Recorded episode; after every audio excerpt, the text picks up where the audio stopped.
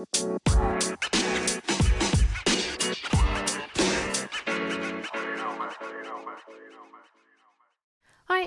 mijn naam is Janneke en welkom bij mijn Positief met Pubers podcast. De podcast waarin ik elke week vragen van ouders beantwoord over het opvoeden van pubers. Iets wat ik geweldig vind en waar ik gewoon heel blij van word. Ik denk graag met je mee, geef je concrete suggesties die je direct kan toepassen in jouw situatie.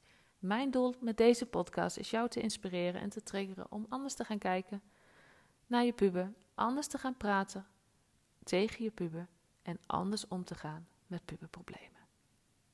Heb je zelf een keer een vraag of een suggestie? Ze zijn altijd welkom. Je kan me vinden op Instagram op Janneke underscore, je pubercoach, of stuur mij een mailtje via info.conductien.nl. Nou, gaan gauw naar de podcast, aflevering van vandaag. Veel luisterplezier. Lieve groet. Hey, super tof dat je weer luistert. Een nieuwe aflevering van de Positief met Pubers podcast staat weer voor je klaar. En vandaag wil ik even ingaan op, op mijn weekend, hoe die was. Een aanleiding hiervoor met name was, uh, afgelopen vrijdag heb ik een, uh, een, een filmpje gepost op TikTok met de vraag, hoe gaat het nu echt met je? En mensen die mij volgen via TikTok of op Instagram hebben dit ook kunnen zien in mijn stories. En, en weet je, soms is deze vraag ook gewoon heel fijn. Dan mag je vertellen wat je wilt vertellen. Alles is oké.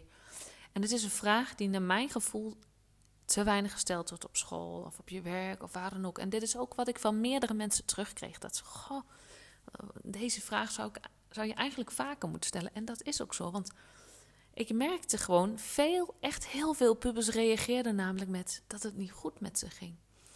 En, en nou ja, dan kun je wel raden hoe mijn weekend eruit heeft gezien. En ik heb vele gesprekken gevoerd uh, via DM. Eigenlijk het hele weekend door en met heel veel liefde.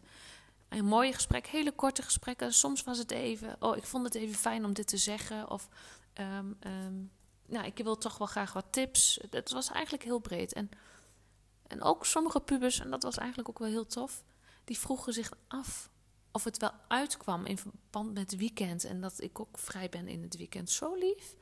Ook sommigen die vroegen hoe het met mij ging. Dat ik dacht, oh, dus dat je, ondanks hoe jij jezelf voelt, toch nog oog hebt voor de ander. Ik vond dat zo tof en ik denk, wauw, deze pubers die, die gaan ongeacht wat er nu speelt, die gaan er komen. Absoluut. En denk ik van allemaal wel. Maar deze, deze is toch ook wel heel speciaal. Want, en ik besefte mij dat dit natuurlijk maar een klein gedeelte is van de mensen die op TikTok zitten. Dus dat maakte voor mij ook dat ik dacht van ja, weet je, er is natuurlijk ook een hele grote groep waar het goed mee gaat, gelukkig.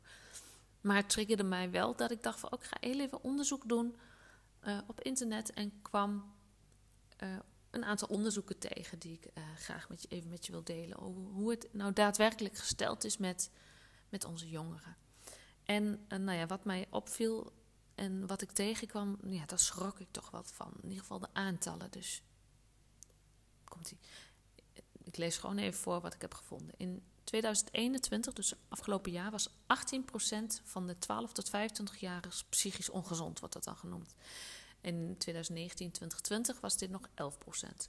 Met name vrouwen en jongvolwassenen hadden in 2021 vaak te maken met, met klachten, uh, psychische klachten.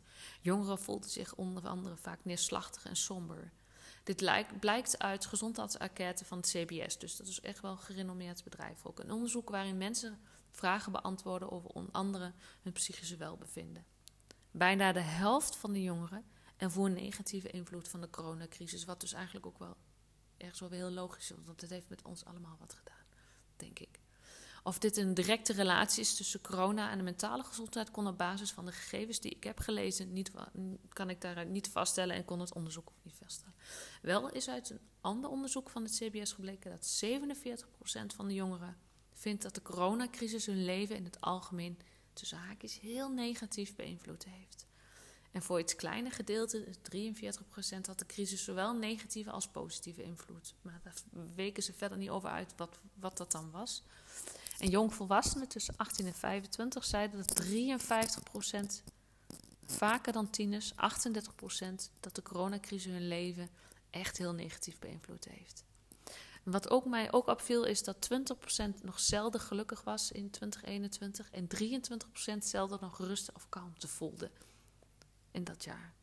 Weet je, deze informatie triggerde mij om, om even verder te zoeken naar hoe de hulpverlening er dan op dit moment bij zit. Hoe gaat het dan? Nou ja, daarin hoor ik, las ik ook weer een stuk eh, uit het CBS, of van het CBS, dat in 2021 bijna 1 op de 10 jongeren jeugdhulp kreeg. En dat de voorlopige cijfers uh, van 2021, dat dat dus 444.000 jongeren zijn die daar gebruik, die gebruik hebben gemaakt van jeugdhulp. Maar waarschijnlijk zal het aantal ook nog oplopen, wordt gezegd, naar 456.000. Als een definitieve berekening gemaakt kan worden. Dus dat betekent gewoon dat 1 op de 9,7 jongeren, dus zeg maar 1 op de 10 jongeren, tot en met 22 jaar jeugdhulp kreeg. En daarbij reken ik niet de jongeren mee die op de wachtlijst staan, want daar kon ik even, even geen cijfers over vinden zo snel. De wachttijden zijn, nou ja, in het algemeen, en ik denk dat, de meeste van jullie dat ook wel weten, de wachttijden die baren mij ook echt wel zorgen. Niet alleen mij, ook de hulpverleners zelf en de politici ook. En uh, zeker ook door de ontwikkeling van de afgelopen drie jaar. En daarover vond ik ook nog informatie, want uh, bijvoorbeeld Stichting het, het, Vergeten Kind heeft onderzoek laten doen naar de uh, concrete cijfers rondom de wachttijden. Omdat die eigenlijk, nou ja, wat ik ook kon vinden, dit was eigenlijk het enige, onderzoek die ik kon vinden. Want kinderen in de jeugdzorg wachten gemiddeld ruim 10 maanden voordat ze hulp krijgen. En ze wachten bijvoorbeeld op therapie of op een diagnose of een, een, een, andere een, voor een woonplek. Het wachten valt heel zwaar. En wordt ook gezegd, 44% gaat door het wachten, gaat het slechte. Dus dat is echt ook echt een signaal van, van ik denk van politiek, hoe dan? Wat doen jullie dan? En waar begint het dan? Want het moet eigenlijk al, denk ik, al veel eerder beginnen.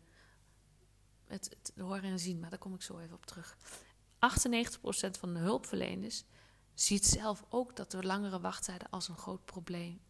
Uh, ziet het uh, langere wachttijden zelf ook als een groot probleem.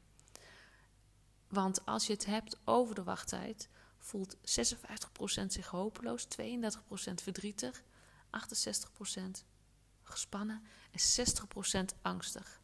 Nou ja, en nu kun je je afvragen, goh Janneke, maar wat is dan jouw doel met deze podcastaflevering?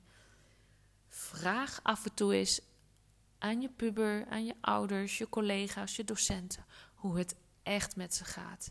En alles wat komt, laat dat te zijn.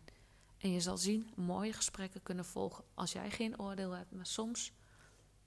Uh, maar gewoon even luistert, dat wilde ik zeggen. Want soms is het namelijk gewoon erg prettig om even je verhaal te kunnen doen. Zonder dat je een advies krijgt of wilt of, of dat er een oplossing komt. Maar het, je gezien en je gehoord voelen is soms al genoeg om weer verder te kunnen op de momenten dat het even niet lekker gaat. Dus daarom ook mijn vraag aan jou vandaag. Stel eens iemand de vraag: hoe gaat het nu echt met je? Gewoon de ander zien. Het zien, je puber zien. Of, of, als je in het onderwijs werkt, ja, nu met vakantie wat lastiger, maar gewoon ook tijdens de les is vragen van: hoe gaat het nu echt met je? Gewoon even voor gaan zitten, ook al ben je druk daar zit zo'n belangrijk onderdeel. Want wanneer jij al heel vroeg kan signaleren dat het niet, even niet lekker gaat, weet je, al is het dat ze een dipje zit en dat, dat, dat, dat het gezien wordt, dat kan op de lange termijn zoveel effect hebben met een kind, met een puber, met een jongere. Dus vandaar die vraag. Stel eens vragen aan je medemens, vaker aan je medemens. Hoe gaat het nu echt met je? Dus daarom ook vandaag mijn vraag aan jou. En voel je vrij om te reageren via DM. Hoe gaat het nu echt met jou? Dankjewel voor het luisteren. En tot de volgende keer.